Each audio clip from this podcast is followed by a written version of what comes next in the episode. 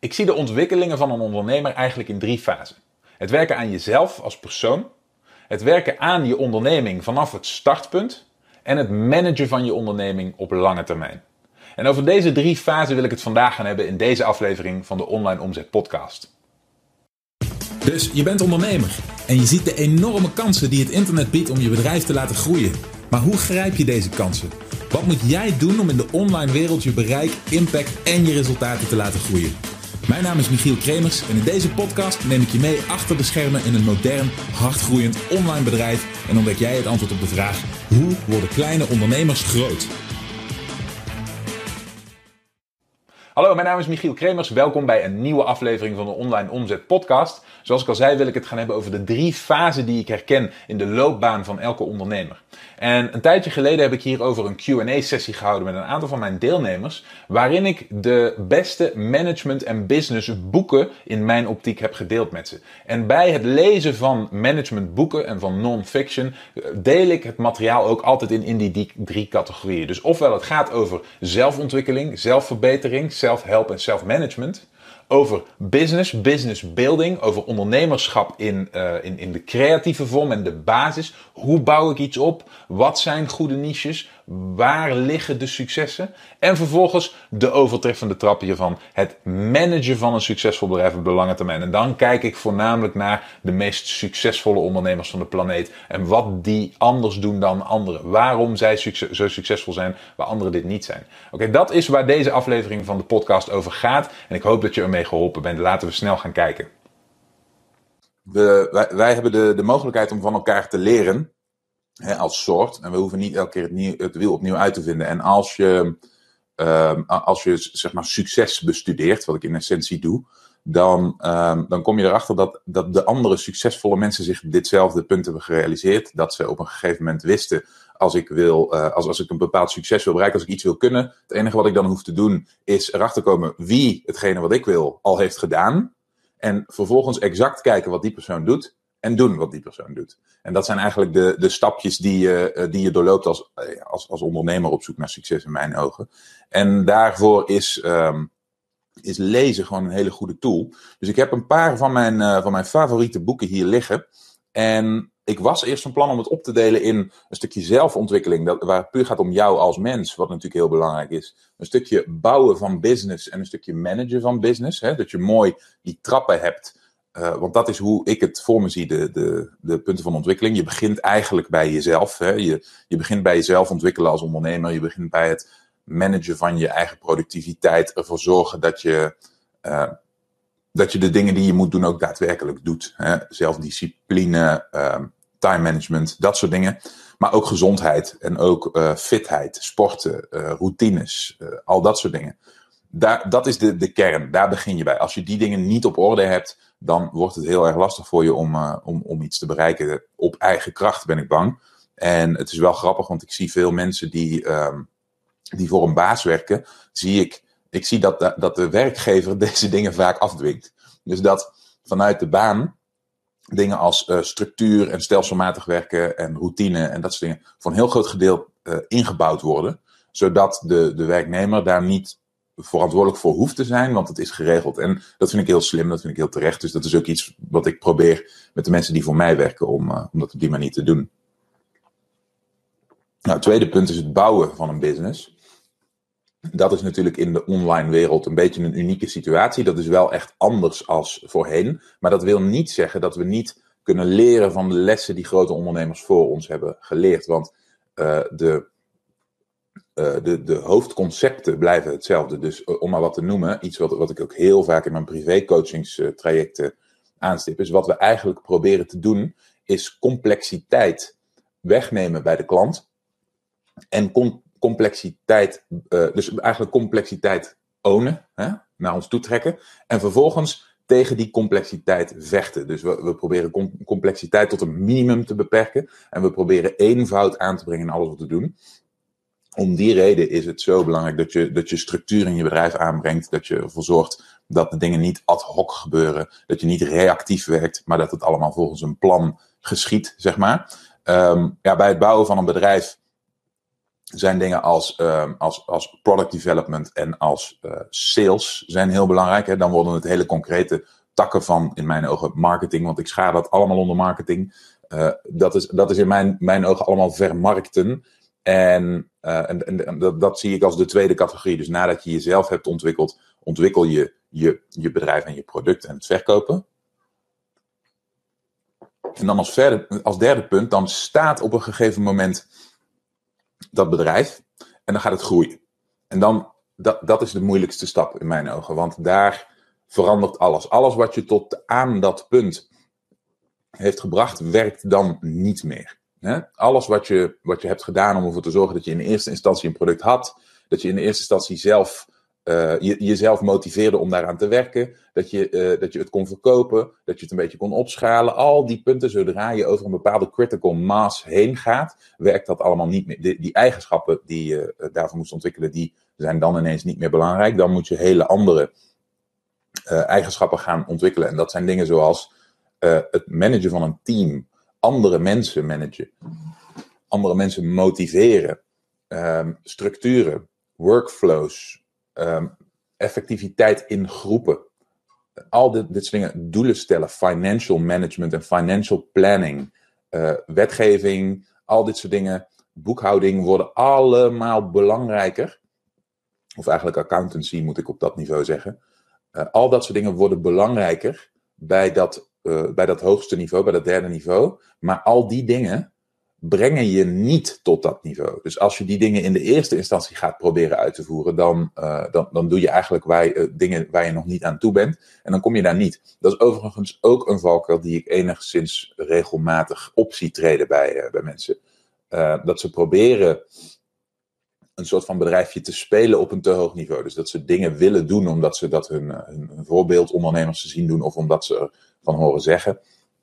En dan, uh, dan, dan willen ze daar ook mee aan de gang. En dat, de, een, heel goed voorbeeld daarvan vind ik bijvoorbeeld uh, financial planning. Dat, er wordt heel vaak gezegd, oh je moet werken naar een financieel goal. Je moet, je moet zeggen, we gaan voor, voor 50.000 euro omzet en dan gaan we daarvoor werken. En dan gericht op die 50.000 euro omzet plannen we doelen. Wat, wat je merkt is dat dat doen bedrijven van een bepaald niveau ook. Hè, die werken met een salesafdeling naar een bepaald doel toe. Maar die hebben daarvoor heel erg duidelijke structuren om klanten binnen te krijgen, om klanten op te warmen, om klanten uiteindelijk te converteren naar, of om, om uh, prospects te converteren naar klanten.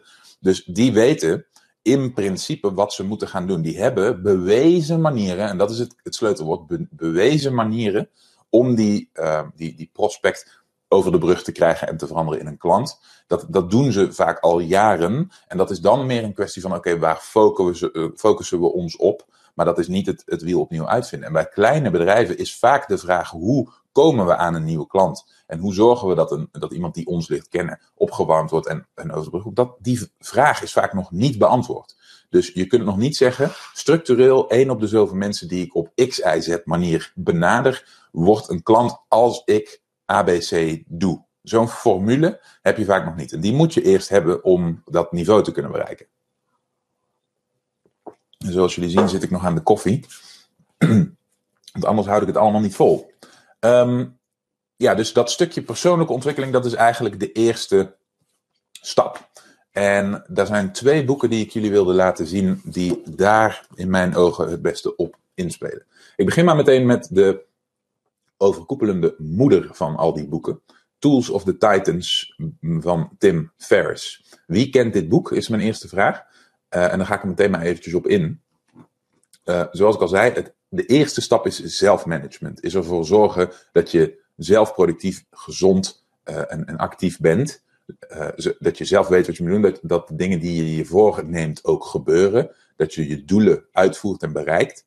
Um, dat is een uitdaging voor heel veel ondernemers. En dit boek gaat specifiek daarover. Nou, wat is Tools of the Titans? Tim Ferriss kennen jullie misschien als de auteur van de 4-Hour Workweek. Dus die werd uh, onder in ieder geval mijn generatie toen dat uitkwam heel erg uh, populair. Hè? Want ja, dat klonk aantrekkelijk en dat was een van de eerste boeken met zo'n thema. Uh, is inderdaad van de 4-Hour Workweek, Irene. Um, wat hij heeft gedaan is, hij heeft een paar jaar nadat hij zijn eerste reeks boeken had uitgebracht, dat waren de four, na de 4-Hour Workweek waren dat de 4-Hour Body, en The 4-Hour Chef.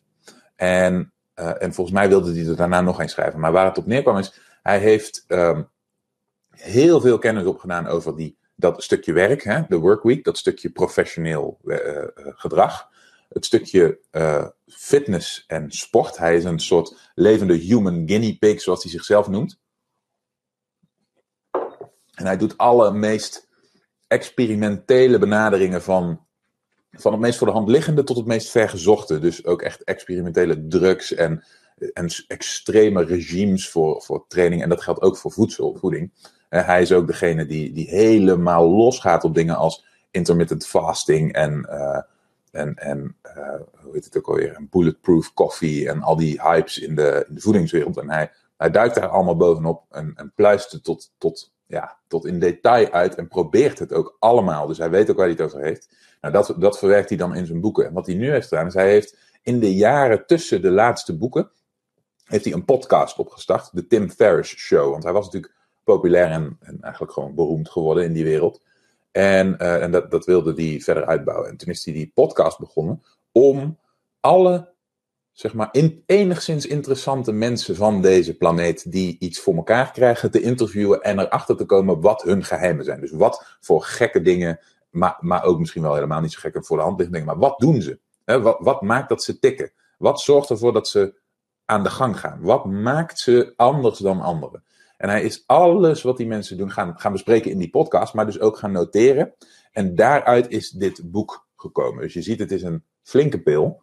Uh, en wat hij heeft het heet dus om die reden Tools of the Titans. Al die mensen die hij gesproken heeft, daar heeft hij van genoteerd wat de grootste takeaways waren. Wat de interessantste dingetjes waren die zij doen.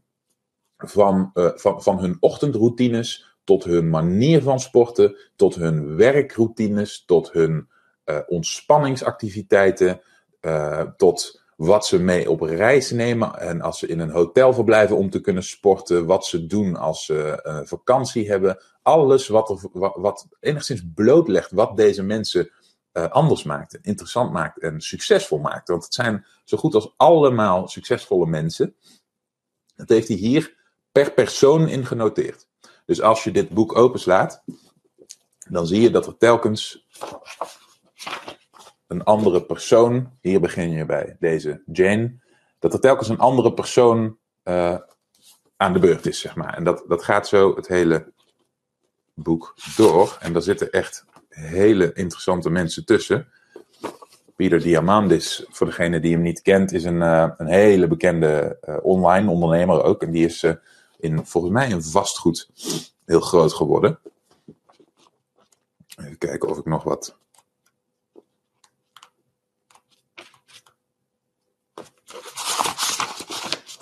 nog wat interessante namen tegenkom. Nou ja, goed, er staan mensen. Eh, het, het voorwoord is geschreven door Arnold Schwarzenegger en die heeft er een hoofdstuk in. Peter Thiel, de, een van de medeoprichters van uh, PayPal, zit erin. Uh, nou ja, noem het maar op. Er zitten, er zitten fenomenale namen tussen. En het is, het is absoluut een aanrader, wat ik al zei, in dat stukje personal development, waar we eigenlijk moeten beginnen. Waar je in de eerste instantie jezelf mee onder controle krijgt. Daarvoor is dit een ontzettend goed, uh, goed boek. Dus dat is de eerste die ik jullie mee wilde geven. De tweede in dat vlak is een, een oude, is een classic. En uh, velen van jullie kennen hem op, uh, op zijn minst van titel, dat is deze. Van Stephen Covey, The Seven Habits of Highly Effective People. En dat is ook eentje, het is misschien een beetje een, een inkoppertje, omdat hij zo, uh, zo bekend is, zo groot is, die naam.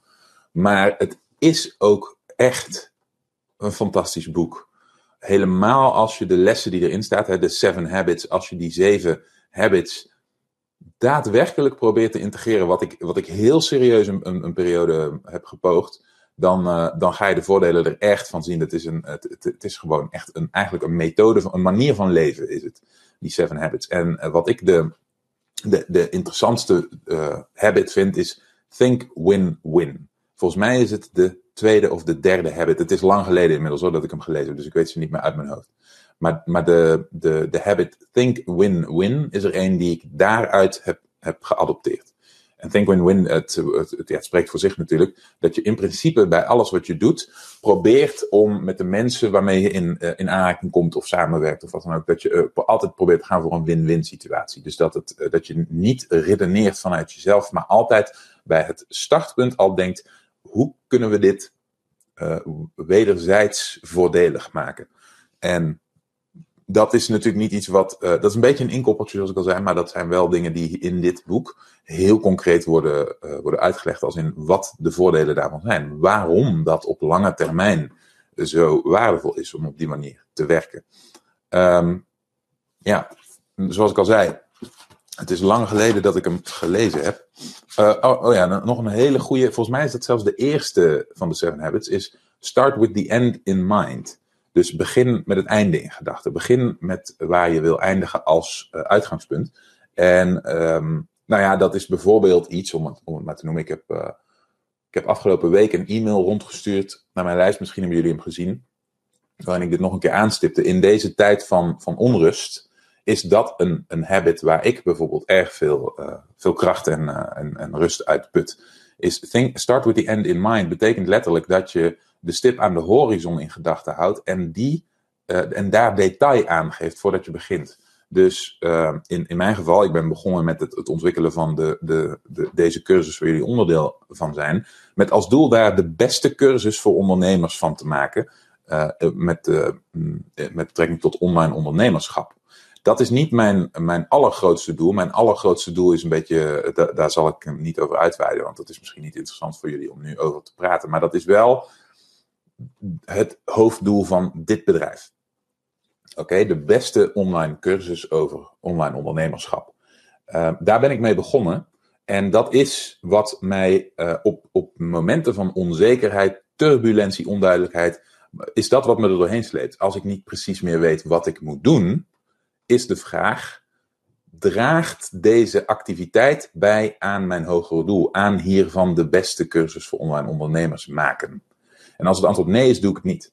En, eh, en als ik geen antwoord heb, dan ga ik nadenken, wat kan ik op korte termijn doen om een stapje dichter bij dat doel te komen? En die twee simpele overwegingen, hè, dus me afvragen bij keuzes of ze bijdragen aan dat doel. En als ik moet nadenken, wat zijn mijn te zetten stappen over of ze bijdragen aan dat doel, is wat het heel eenvoudig maakt om op het juiste pad te blijven. Om ervoor te zorgen dat ik weet dat de, de activiteiten, het werk wat ik verzet, bijdragen aan, waar, uh, aan de reden dat ik hiervoor begonnen ben. En ik zie veel ondernemers, helemaal nu, in die turbulente tijd, met heel veel onzekerheid battelen. Niet goed weten wat ze moeten doen. En ik heb al zoveel mensen horen roepen dat ze andere dingen gingen doen. Dat ze nu er een crisis aanbrak, iets anders moesten gaan doen of, of gingen doen om, uh, ja, om, om daarmee door, om, om, om door te kunnen gaan. En um, Kijk, dat kan natuurlijk. Als jij in een, uh, in een wereld zit die stil komt te liggen, dan kan het zo zijn dat de specifieke activiteit die je voorheen deed om, uh, om je bedrijf drijvende te houden, misschien nu eventjes niet meer kan of niet zo goed werkt. Maar dat, dat wil niet zeggen dat de aanpak, um, dat, dat deze aanpak verandert. Dat de manier waarop je tot de beslissing van je werkzaamheden komt verandert. Nog steeds geldt voor mij, elke dag is wat ik doe uh, onderdeel van het bereiken van dat doel draagt wat ik doe bij aan het maken van de beste cursus voor ondernemers met betrekking tot online ondernemerschap? Is het antwoord nee, dan denk ik er nog een keer over na. En soms drie keer. Dat wil niet zeggen dat ik het niet mag. Maar dan, het is een check om ervoor te zorgen dat het op zijn minst overwogen is. En simpelweg die check inbouwen is heel waardevol. Dus nogmaals, start with the end in mind and think win-win. Vond ik twee hele krachtige concepten uit dat boek. En, uh, en alleen dat al zou de, uh, de reden zijn waarvoor ik hem zou willen aanbevelen. Dus The Seven Habits of Highly Effective People.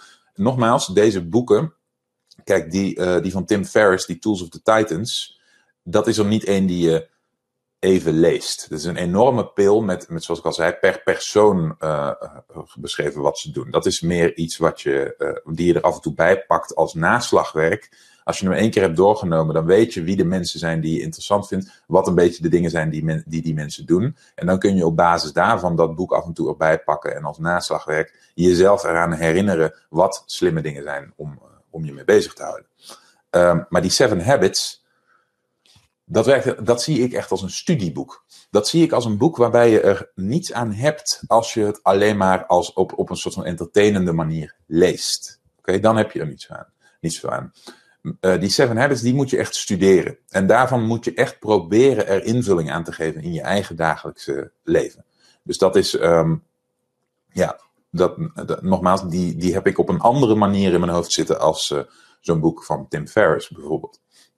Nou, dat, uh, dat, dat zijn er twee over die, die persoonlijke ontwikkeling. Nou is het zo dat ik de meeste boeken um, niet uh, niet hardcopy heb gelezen in het verleden, maar als audioboeken heb geluisterd.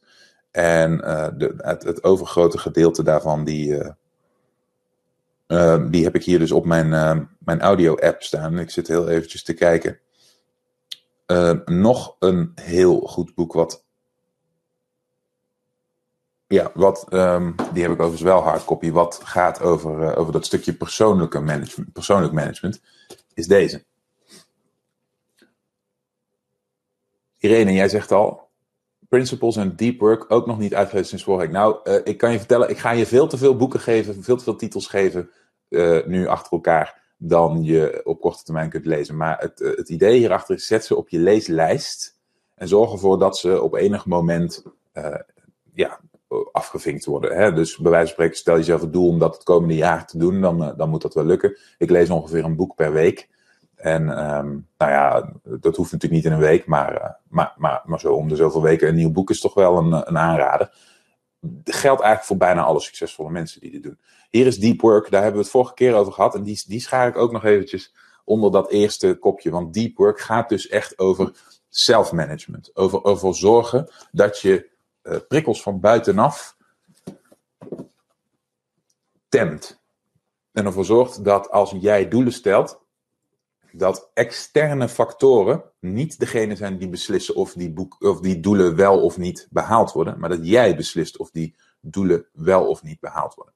Dus dat is, um, um, ja, dat is een aanrader. Goed, daar heb ik het vorige keer al over gehad, maar dat, dit, die drie, hè, dat zijn wel uh, een paar van de, van de beste boeken op dat vlak. Ik zit even te kijken of er nog een andere is. Ja, um, ja, dat is, uh, een, dat die is iets meer woehoe. Die is iets minder concreet. Maar die heet The Spiritual Brain, Science and Religious Experience. Ik heb me een periode uh, tot over mijn oren verdiept in het concept religie. Omdat onze, de, de ontwikkeling van, van onze soort daar helemaal mee verweven is. Dus al vanaf het begin dat wij in stammen gingen leven en een enigszins creatief brein ontwikkelden ontstond uh, onze, onze neiging uh, natuurlijke fenomenen toe te schrijven aan, uh, aan externe partijen. En zo ontstond religie. En wat heel interessant is, is dat, dat recent wetenschappelijk onderzoek heeft uitgewezen hoe ons, ons creatieve brein eigenlijk is gegroeid naar een, een, een, een ontvankelijkheid voor religieuze signalen. En hoe wij eigenlijk dus met z'n allen heel vatbaar zijn voor religieus denken. Nou is het niet zo dat dit een businessboek is. Het is ook geen zelfhelpboek, het is een wetenschappelijk stuk. Wat interessant is hieraan en waarvoor het toepasbaar is, is als je op een gegeven moment in een moderne wereld uh, onderneemt en je, en je snapt goed hoe uh, groepen mensen functioneren, uh, dan, dan kun je daar je, je voordeel mee doen als, als ondernemer. Wij doen allemaal aan massacommunicatie. We proberen juist zoveel mogelijk mensen te bereiken met onze boodschap. En hoe beter wij begrijpen hoe mensen reageren, hoe, dat, uh, hoe, hoe een boodschap binnenkomt in dat, in, in dat brein, welke processen er in dat brein plaatsvinden, welke verschillende gebieden in dat brein actief worden en op wat voor manieren, hoe dat evolutionair is ontwikkeld, hoe meer we daarvan af weten en hoe beter we daarmee om kunnen gaan, hoe beter we daarop in kunnen spelen, hoe krachtiger onze boodschap. En dat, um, dat boek The Spiritual Brain, wat dus voor een heel groot gedeelte gaat over religie, dat heeft mij buitengewoon veel. Het was nooit een, het plan om hem, om hem op mijn zakelijke leeslijst te zetten. Maar het heeft me buitengewoon veel inzicht gegeven in het functioneren van het menselijk brein. En in het uh, patroonherkenningsmechanisme. Waar wij eigenlijk allemaal op draaien. Het is al, je kunt het zien als een operating system zoals Windows of Android of iOS. Uh, waarbij bepaalde routines en subroutines aangesproken worden in bepaalde situaties. Dus als ik eh, op mijn Windows-computer op start klik, dan zegt een subroutine in uh, de software: ha, start betekent dat startbalkje uitvouwen. Dat is een subroutine, dat is de, de reactie op de actie. En die, die reacties op acties, die reacties op impulsen van buitenaf, die routines en subroutines in ons brein, die bepalen ons gedrag en die zijn 9 van de 10 keer eigenlijk in bijna alle gevallen nooit rationeel. En dat maakt je als ondernemer en, en, en, en specifiek als marketer vele malen krachtiger, vele malen potenter.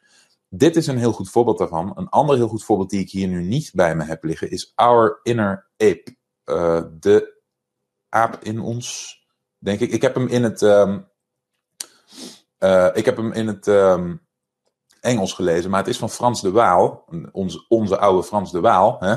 Voor degene die hem niet kent, is een, eh, een, een, Nederlandse bioloog die, uh, die chimpansees en bonobo's heeft be bestudeerd. Is het een primatoloog? Ik denk een primatoloog. En dat boek Our Inner Ape, de, aap in ons, gaat helemaal over een vergelijkbaar concept over hoe, um, hoe wij als primaten zijn ontwikkeld en hoe dat onze, ons gedrag heeft, uh, hoe dat ons gedrag bepaalt en hoe nog steeds in alles wat we doen. Sorry, dat vorige boek over religie. Ik, uh, ik laat me even door je onderbreken, want het is een goede vraag. The Spiritual Brain, Science and Religious Experience.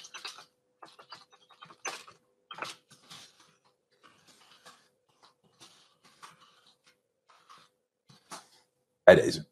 Um, hoe, hoe, dat, uh, hoe, hoe, dat wij allemaal als primaten, uh, hoe, hoe dat ons gedrag bepaalt. Dus tot vandaag de dag hebben wij natuurlijk, zoals we ons allemaal realiseren, geen afscheid genomen van de dierenwereld. Sterker nog, als ik om me heen kijk, helemaal in deze situatie waar we nu in zitten, dan zie ik juist de dierlijke kant van mensen heel erg duidelijk overal doorheen. En, uh, en ook hiervoor geldt het, hetzelfde als bij die, die, de, sign, de, de, de spiritual brain. Ook daarin uh, is het begrijpen hoe gedrag tot stand komt. Het begrijpen hoe mensen hun omgeving interpreteren en daarmee omgaan. Uh, is, een, uh, is, is, is heel belangrijk voor je, je bredere begrip. zodat je wat jij communiceert nog beter aan kunt laten sluiten bij je doelgroep. En er daarmee nog efficiënter voor kunt zorgen dat acties die jij van tevoren hebt bedacht, door die mensen uitgevoerd wordt. En het klinkt een beetje als, uh, als, als manipuleren, en dat is het ook. Hè? Dus daar laat ik daar vooral geen doekjes om. Alles wat wij hier doen is manipuleren. Maar alles wat je doet in communicatie is manipuleren. Je doet het altijd met het doel de ander een bepaalde actie te laten ondernemen. En dat, dat geldt tot in het kleinste detail um, in communicatie over het algemeen. Ik denk dat het een fascinerend onderwerp is. En ik denk dat het voor ondernemers, helemaal voor verkopende ondernemers, uh, onmisbare kennis is. Ik denk dat, dat we ons daar allemaal um, in moeten verdiepen. Femke, uh, How to Sell Anything to Anybody. Dat is een, uh, een, een, goed boek. Maar zo heb ik er in die lijst van 90 boeken of zoiets die ik gelezen heb, minstens 50 staan die allemaal een beetje interchangeable zijn met elkaar. Dus uh, nogmaals, als je op een gegeven moment de, de achterliggende concepten van sales, van verkoop, hè, dat is natuurlijk een vak, sales. Uh, als, je dat, als je die kent, goed kent en goed bestudeerd hebt, dan, zijn ze, dan, dan vallen veel van die boeken erg in herhaling. En ik denk dat ik de, van de ongeveer 90 aan dat soort onderwerpen gerelateerde boeken die ik gelezen heb, um, denk ik dat er iets van 40 of zo van een beetje dat vergelijkbare uh, kaliber waren uh, als, uh, als Joe, Joe Gerard. En dat wil niet zeggen dat ze slecht zijn. Het is meer, je hoeft er niet, zoals ik heb gedaan, 40 te lezen.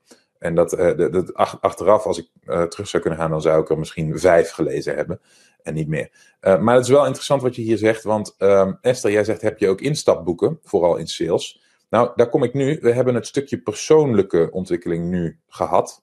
En nu kom ik bij het stukje het bouwen van een, een business, het bouwen van een bedrijf. Wat interessante boeken uh, daarvoor zijn. En dan begin ik bij deze. En ik denk dat de meesten van jullie hem zullen kennen. Dat is Expert Secrets van Russell Brunson. nogmaals, laat me even weten of je hem kent.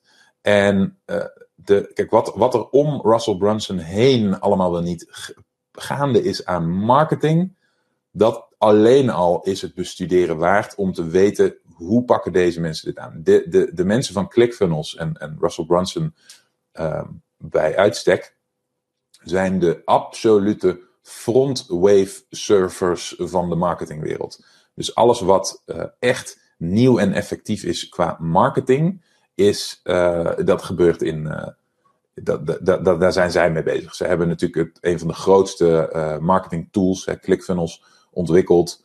De, ze hebben een van de grootste marketing events ontwikkeld. En ze hebben de drie grootste bestseller boeken ontwikkeld op, op dit vlak. Nou, Expert Secrets is daarvan de tweede die uit is gekomen.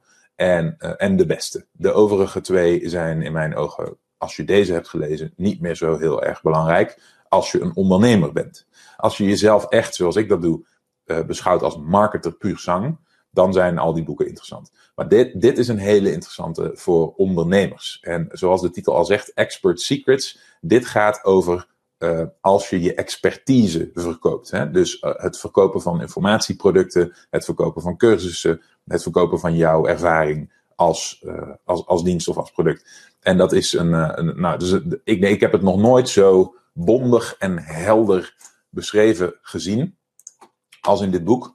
Het is wel zo dat die wereld zich, uh, zich erg snel ontwikkelt.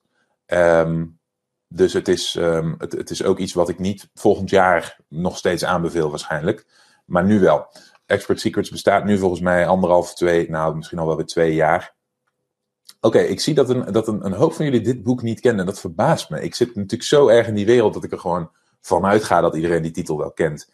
Um, ja, Expert Secrets, zet hem op je lijst. Want als je die niet gelezen hebt, dan, uh, en helemaal in de wereld van funnels. Hè, de, Russell Brunson is de, de, degene die de term sales funnel in de online marketingwereld, want die term bestond natuurlijk al lang, maar in de online marketingwereld uh, gepopulariseerd heeft. En heeft funnel marketing op internet gepopulariseerd. Dus vanwege hem heeft iedereen het over sales funnels. En dat is, uh, ja, dat is echt niet voor niets dat dat dat aan zijn naam gekoppeld is, want hij is een fenomeen op dat vlak.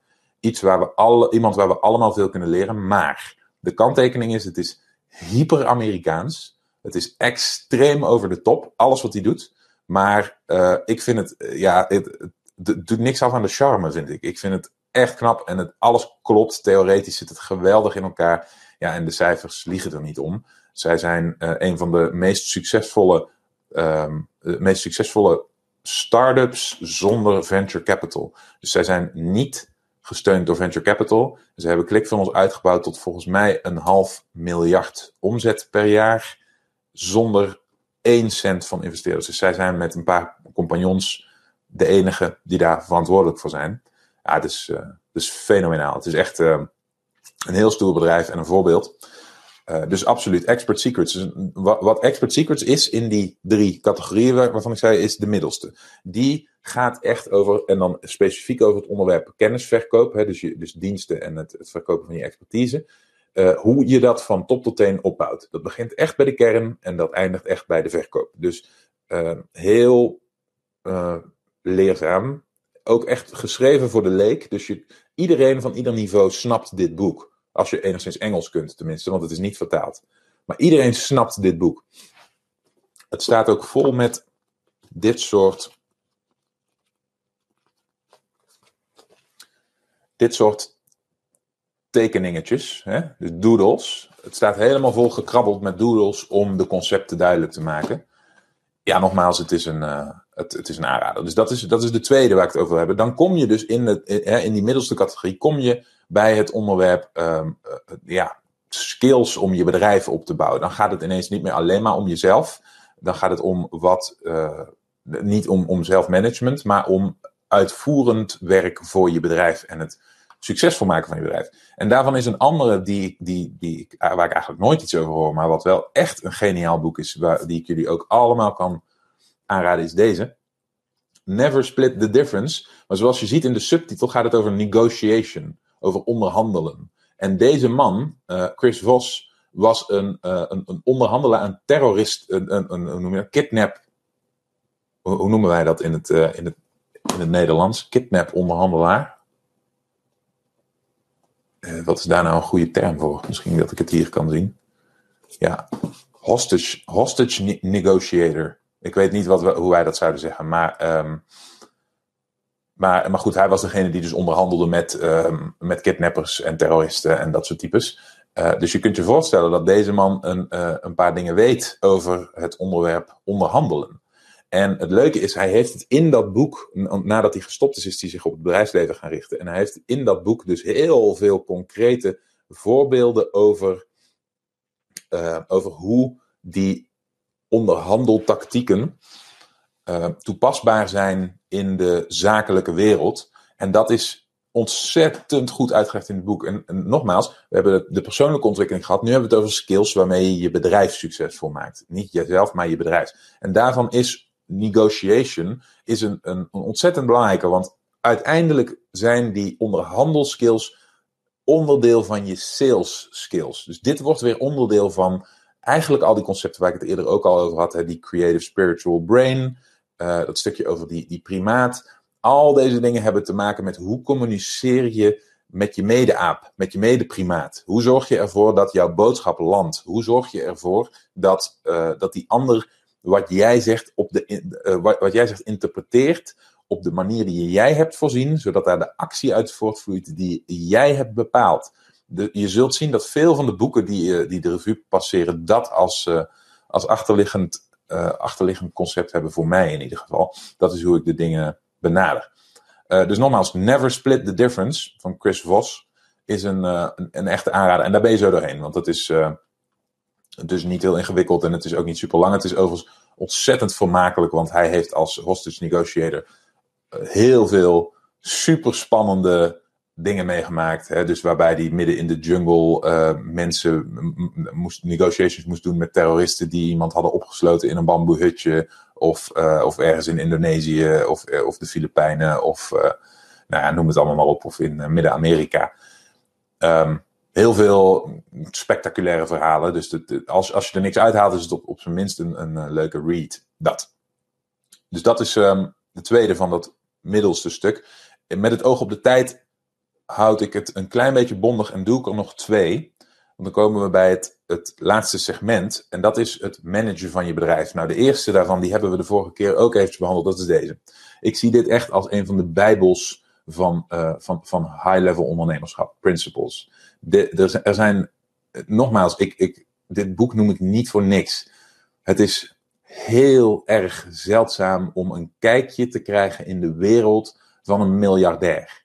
En, en echt in detail zien hoe die denkt, wat hij doet, hoe die omgaat met, met zaken, met zijn bedrijf, met ondernemerschap. Principles is een pil. Is, het is niet iets wat je even makkelijk leest. Deze man heeft uh, dit echt als een soort memoir geschreven. Maar eh, ook hier zie ik het weer als een studieboek. Ik pak hem er regelmatig bij en ik probeer de dingen die erin staan te doorgronden en toe te passen. En nou in mijn eigen te maken. Um, ontzettend waardevol boek. Ja, het is, het, het, is lastig om er meer over te zeggen. Want dan gaan we eigenlijk meteen te diep en dan ben ik een uur aan het praten. Dus eigenlijk het beste wat ik uh, kan zeggen is. Um, is begin daarmee. Zo snel mogelijk. Het lezen van dit boek. Hoe eerder je deze gelezen hebt, hoe eerder je kunt beginnen met hem opnieuw lezen en opnieuw lezen en opnieuw lezen. Um, en dat is wat nodig is bij dat boek. Die, die moet je niet één keer lezen, die moet je ieder jaar lezen.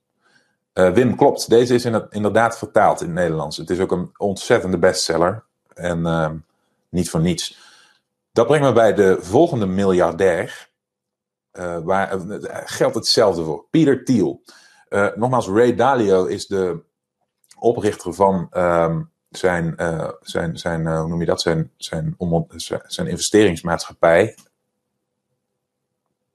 Zo, hoe heet hij nou? Bridge, Bridge, Bridge, Bridge, hoe heet hij nou toch?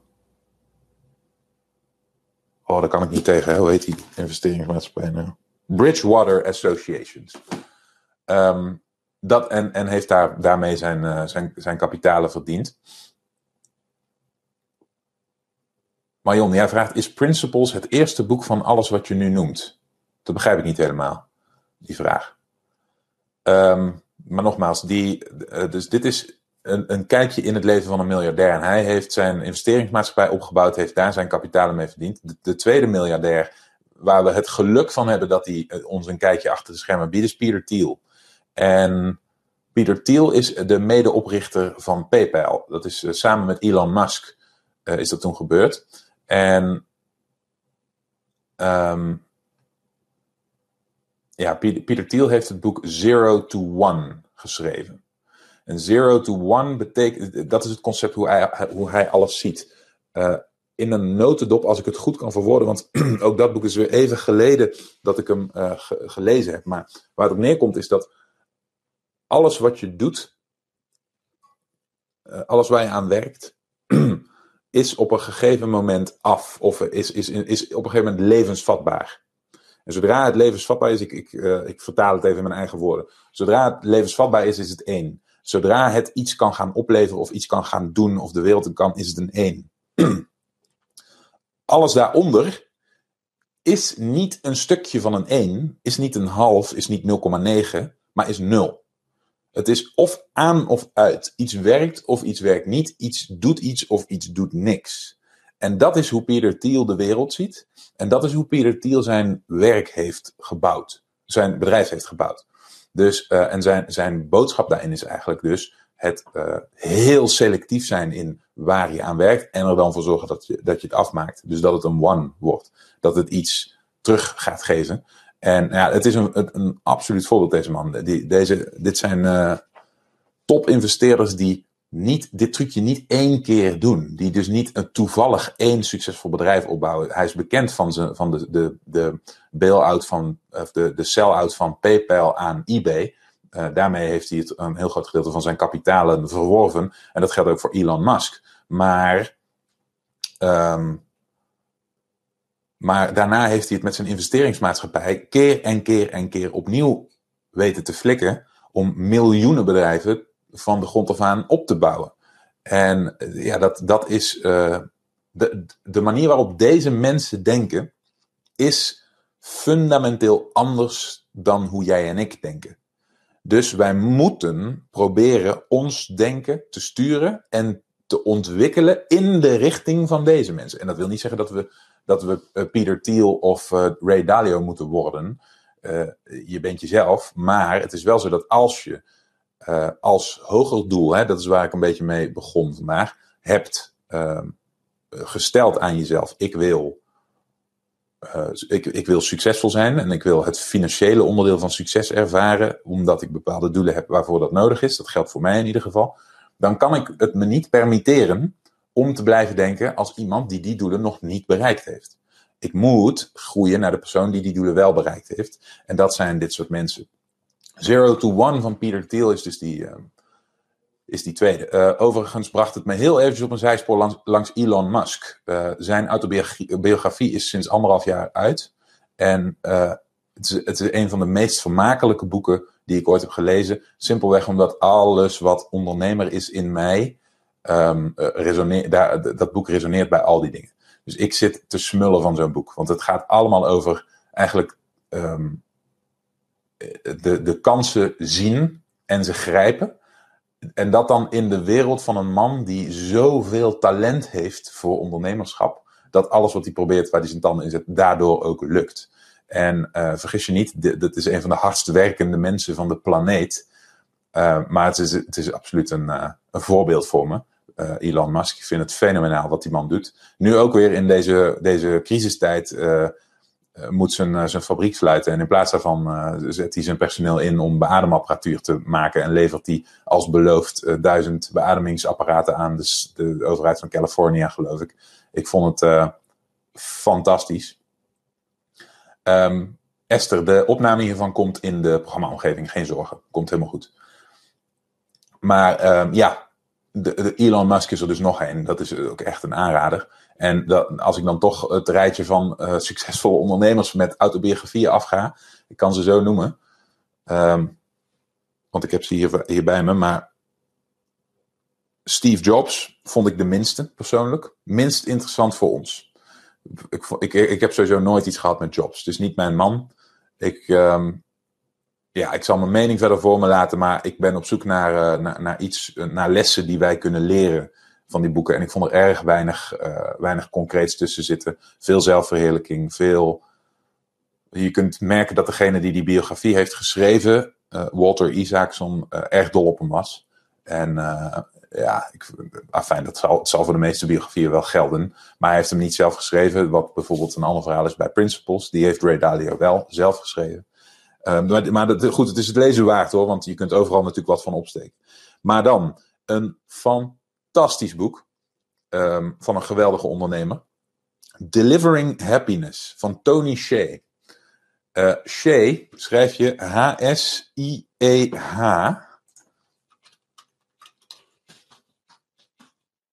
zo, van uh, Aziatische afkomst, is de stichter van, hoe heet die schoenenwinkel ook alweer?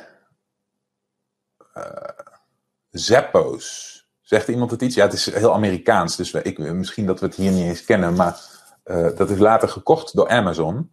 En, maar dat, dat, dat is een, die, is als ondernemer zo interessant, die man, want, um, want Tony Shea, die is eigenlijk, nou, het is bijna het tegenovergestelde van al die andere high-level, high-performance um, ondernemers. Hij is heel erg op zoek naar leuk, naar een leuk leven, naar plezier maken. En dus ook ondernemen omdat hij het heel erg leuk vindt om te doen. En dat ook, hij probeert dat ook uh, te, te propageren naar zijn omgeving. Dus hij bouwt teams waarmee hij het leuk wil hebben, waarmee hij samen plezier wil maken. De, de slogan van Zappos was Delivering Happiness. En dat is exact wat ze probeerden. En dat maakt het zo'n fijn boek. Een, uh, een boek waarin het eens een keer allemaal wat minder pusherig is. Waarbij we allemaal uh, het idee moeten krijgen dat we nog veertig keer harder moeten werken. En uh, bij wijze van spreken uh, ons over de kop moeten werken om bij te benen met de, met de wereld van topondernemers. Zeg maar. Dat is heel vaak een beetje de vibe die ontstaat als je die, die topondernemers hun boeken en autobiografieën leest. Uh, dan is dat vaak wat je, uh, wat je voorbij ziet komen. Um, dat is in zijn geval niet zo. Dat wil niet zeggen dat het geen harde werker is, maar, want dat, dat onderdeel zit er zeker in. Maar het is allemaal veel luchtiger en ontspannender. En afijn, het is een, een genie dus dat moet ik erbij zeggen, een hyperintelligente man. Dus dat zit er natuurlijk ook uh, mee. Um, dus dat is er één. Nou, dat is echt een aanrader, Tony Shea. Dan, um, even kijken. Ja, Elon Musk heb ik al genoemd. Maar dan, The Everything Store. Jeff Bezos. Amazon. Kan natuurlijk niet ontbreken in dit rijtje. Uh, helemaal als je een, een beetje in de richting van, uh, van retail denkt dan is wat deze man gedaan heeft, is, uh, is ongelooflijk. En dan moet ik daar meteen de titel Made in America van Walter, nog wat, van de stichter van Walmart, Walmart uh, noemen. Nee, ik ben zijn naam vergeten. En ik heb hem hier ook niet op mijn lijst. Want het was een van de eerste boeken die ik leesde, dus die, uh, las, dus die, die staat hier niet meer op. Um, maar Jeff Bezos, de Everything Store. Nou, fenomenaal. Maar um, ja, omdat ik zelf niet in de retail actief ben, is het voor mij wat minder toepasbaar. Wat ik er interessant aan vind, is wederom de manier waarop deze man denkt en de manier waarop deze man uh, zijn omgeving beïnvloedt. En dat is iets wat je daar echt uit kunt halen. Uh, het is niet zo'n plezierige man, geloof ik, wat ik eruit uh, uit opmaak, maar het is niet voor niets de rijkste man van de planeet, volgens mij, op dit moment. Hyper succes gewoon. Hij heeft um, de, de, de belangrijkste les uit dat boek vond ik lange termijn visie. En dat, dat gaf me ook heel veel rust. Zoals ik in het begin al zei, ik probeer me vast te houden aan één concreet lange termijn doel. En me continu af te vragen hoe draagt wat ik doe daaraan bij. En hij deed dat ook. Dat, is, dat heb ik voor een groot gedeelte ook van hem uh, geadopteerd. Hij was heel erg bezig. Uh, ah, Sam Walton, ja, Made in America. Dankjewel Irene. Super handig dat jij dit doet. Dat scheelt mij weer heel veel, uh, heel veel werk. Um, ja, de, de, uh, de lange termijnvisie van Jeff Bezos. Hij, toen hij begon met Amazon was het een boekenwinkel. Maar toen al had hij het idee van the everything store. Hij wist dat het internet alles zou domineren. En hij wist dat uh, dat retail en sales zich naar dat online domein zouden verplaatsen. Dat is het enige inzicht waar alles op gebaseerd is. Hè? En dat is een inzicht wat jij en ik ook konden hebben, wat iedereen zich kon realiseren. Maar hij uh, realiseerde zich dat ook en heeft er daarna op, uh, alles op alles voor gezet om die Everything Store te gaan ontwikkelen. Ervoor te gaan zorgen dat Amazon de winkel zou worden. En hij is voor niks, hij heeft niks geschroomd en, en is voor niks gestopt. Het enige wat hij heeft gedaan is, hij is begonnen met boeken. Hij is niet begonnen met alles. Hij is begonnen met één concept. één ding waar, waarin hij kon domineren op de kortst mogelijke termijn. En vanuit daar is hij verder gegaan. Maar het is altijd zijn doel geweest om die Everything Store te bouwen. En nu zien we dat wat hij toen voor ogen had, nu een realiteit is geworden. Nu is het zo dat Amazon distributiecentra door de hele wereld heeft, zijn eigen infrastructuur voor leveringen heeft opgezet. De voorwaarden waarvoor uh, externe leveranciers werken bepaalt. Al die pakketdienstjes die je vandaag de dag in Nederland ziet rondrijden, die zijn allemaal, in Nederland was dat dan nog eventjes bol.com, maar dat gaat nu veranderen, want Amazon komt eraan, dus die, uh, of die zijn er inmiddels en die, die gaan ze ongetwijfeld platwalsen. Simpelweg vanwege wat je in dat boek kunt lezen. Afijn, ik dwaal af, want nu begin ik helemaal over Amazon en Jeff Bezos. Um, ander heel goed boek is um, Peter Drucker. The Effective Executive. Om het maar even te hebben over. Ja, het is geen biografie, maar dat zijn de signature boeken van bepaalde succesvolle mensen. En Peter Drucker is, is, is ja, het schoolvoorbeeld van de executives. En dat hoort echt thuis in dit bovenste deel. Hè? Dat managen van, je, uh, van, de, uh, van, de, van het management van je bedrijf. Dus de bovenste laag, de strategie, uh, de groeistrategie van je bedrijf. Diana, ja, de, de QA van vandaag heeft als thema die, die boeken, het curriculum. Dat rond ik zo af. En dan had ik nog een paar vragen ontvangen. Die ga ik zo direct nog eventjes behandelen. Dus even kijken. Laatste puntjes. Nou, dan hebben we nog een boek waar ik uh, niet zo fan van was. Dat is Skin in the Game van Nassim Nicolas Taleb. Um, nogmaals, ik noem hem, maar ik vond het een slecht boek. Dus ik zal hem je niet aanbevelen. Wat een geniaal boek is, is Sapiens hoort weer thuis in dat rijtje van het begrijpen van de mens. Yuval Noah Harari. Heel beroemd boek, dus die zal, je ongetwijfeld van gehoord hebben. Sapiens. Uh, nou, Zero to One van Peter Thiel hadden we genoemd. Awaken the Giant Within van Tony Robbins.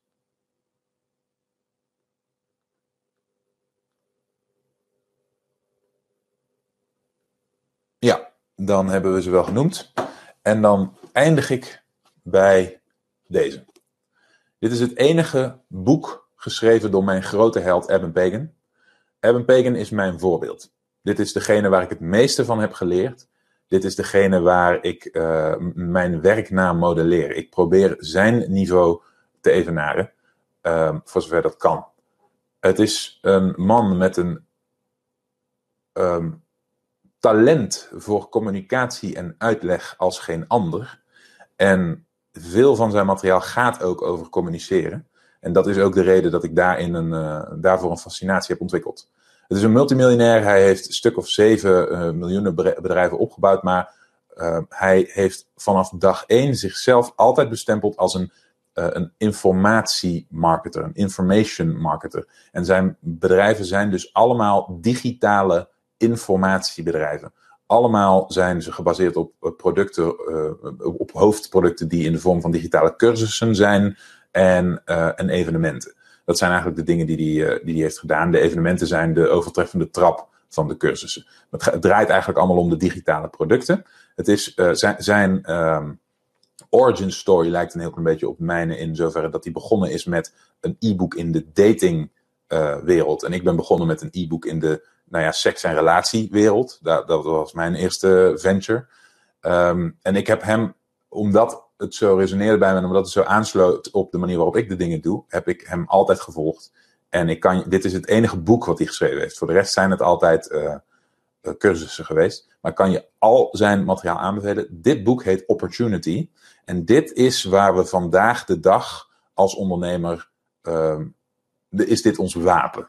Dit is hoe je in een situatie zoals waar we nu in zitten, hè, dus de situatie met het coronavirus, een, een, globale crisis, veranderende tijden, maar ook als jullie je herinneren hoe het er een jaar geleden voor stond, de extreme snelheid waarmee onze samenleving ontwikkelt en verandert, technologische innovaties, hoe die ons dagelijks leven tekenen en veranderen. Hoe ga je daarmee om? Hoe zie je daar de opportunity in? En hoe, uh, ja, hoe, hoe leer je dat te doen? Het is een aardig boek. Dit is niet iets waar je even doorheen bladert. Hij neemt dit heel serieus en gaat er diep op in. Opportunity, Adam Pagan. Nou, zoals je zag, deel ik de ontwikkeling van die ondernemer dus in in drie fasen. Die drie fasen die herken je misschien nog niet bij jezelf. Misschien ben je nog niet zo ver. Misschien zit je nog in de eerste, waarbij het nog voornamelijk gaat over je eigen ontwikkeling als persoon. Om jezelf echt te gaan zien als succesvolle ondernemer en de skills te verzamelen die je nodig hebt om daadwerkelijk vooruit te komen. Of misschien zit je nog in de tweede fase, waarbij je nog maar net begonnen bent en nog in het, aan het bouwen bent aan je onderneming en deze nog niet op poten staat. Oké, in die twee situaties kan ik me voorstellen dat je wat hulp kunt gebruiken. En dan is deelname aan mijn traject misschien een goede keus voor je. Mocht je dat willen, dan kun je het beste gaan naar onlineomzet.com slash interesse. En daar kun je een afspraak maken met mij of een van mijn collega's voor een telefonisch contactmoment waarop we samen kijken of deelname iets voor jou kan betekenen. Ik hoop dat je dat interessant vindt en ik hoop dat je geholpen bent met de inhoud van deze aflevering. Ik zie je natuurlijk heel graag terug in de volgende, de volgende keer. Alvast heel veel succes. Bedankt voor het luisteren. Heb je iets aan deze aflevering gehad of heb je een vraag? Laat het me weten via de comments. En vergeet niet te abonneren. Dan blijf je op de hoogte van alle tips en strategieën waarmee jij als moderne ondernemer groot kunt worden. Voor een overzicht van alle afleveringen ga je naar onlineomzet.com/podcast.